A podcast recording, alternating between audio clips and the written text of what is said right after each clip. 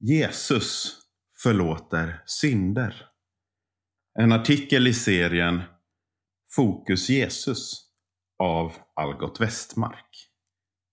Några dagar senare kom Jesus tillbaka till Kapernaum. När man fick höra att han var hemma samlades så många att det inte längre fick plats ens utanför dörren. Och han förkunnade ordet för dem. Då kom man till honom med en förlamad som bars av fyra män. När det för folkmassans skull inte kunde komma fram med honom till Jesus tog det bort taket över platsen där han var. Det gjorde en öppning och sänkte ner bädden som den lame låg på. Jesus såg deras tro och sa till den lame Mitt barn, dina synder är förlåtna. Nu satt där några skriftlärda och de tänkte i sina hjärtan Varför talar han så? Han hädar. Vem kan förlåta synder utom Gud? Jesus förstod genast i sin ande att de tänkte så inom sig. Och han sa till dem, varför tänker ni så i era hjärtan? Vad är lättast? Att säga till den lame, dina synder är förlåtna. Eller att säga, res dig, ta din bädd och gå.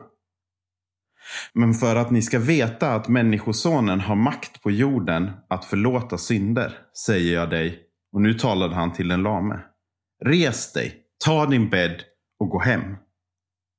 Då reste mannen sig upp och genast tog han sin bädd och gick ut inför ögonen på dem alla. Och alla blev utom sig av häpnad och prisade Gud och sa Vi har aldrig sett något liknande. Markus evangeliet kapitel 2, vers 1-12. Att Jesus hela människor från fysiska åkommor är fantastiskt.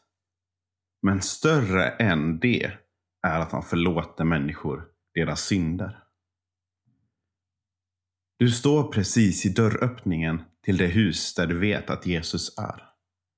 Du har hört mycket om honom och alla häftiga saker han gör. Du kikar fram för att få se honom bland alla människor. När du står på tå kan du ana Jesus mellan två huvuden. Du hör honom prata om vad Gamla Testamentet betyder och vad det säger om Gud. Helandet.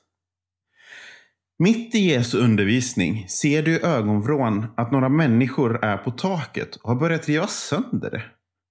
Alla som står i huset tittar upp för att se vad som händer. Ner från taket kommer en bädd med en förlamad man. Du tänker för dig själv. Yes! Nu får jag äntligen chansen att se ett helande av Jesus.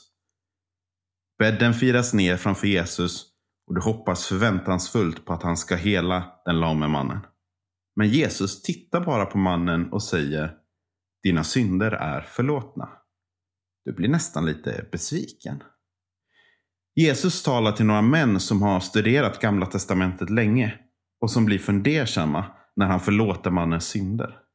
Du hör Jesus tala igen och den här gången talar han till den lame mannen. Han säger Res dig, ta din bädd och gå. Du ser förundrat hur mannen reser sig upp och går ut ur huset. Äntligen fick du se ett under.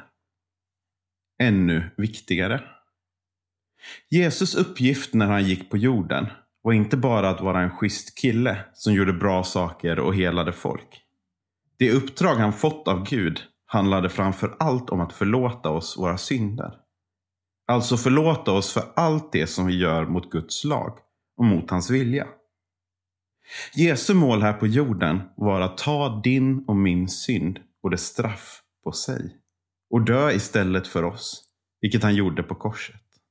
Det är på grund av detta som Jesus kan förlåta den lame mannens synder.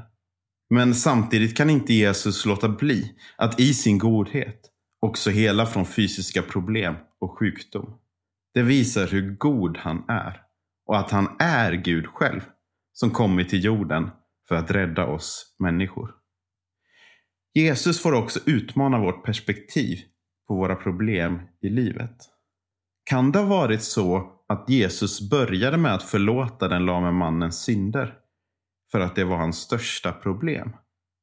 Inte att han var lam.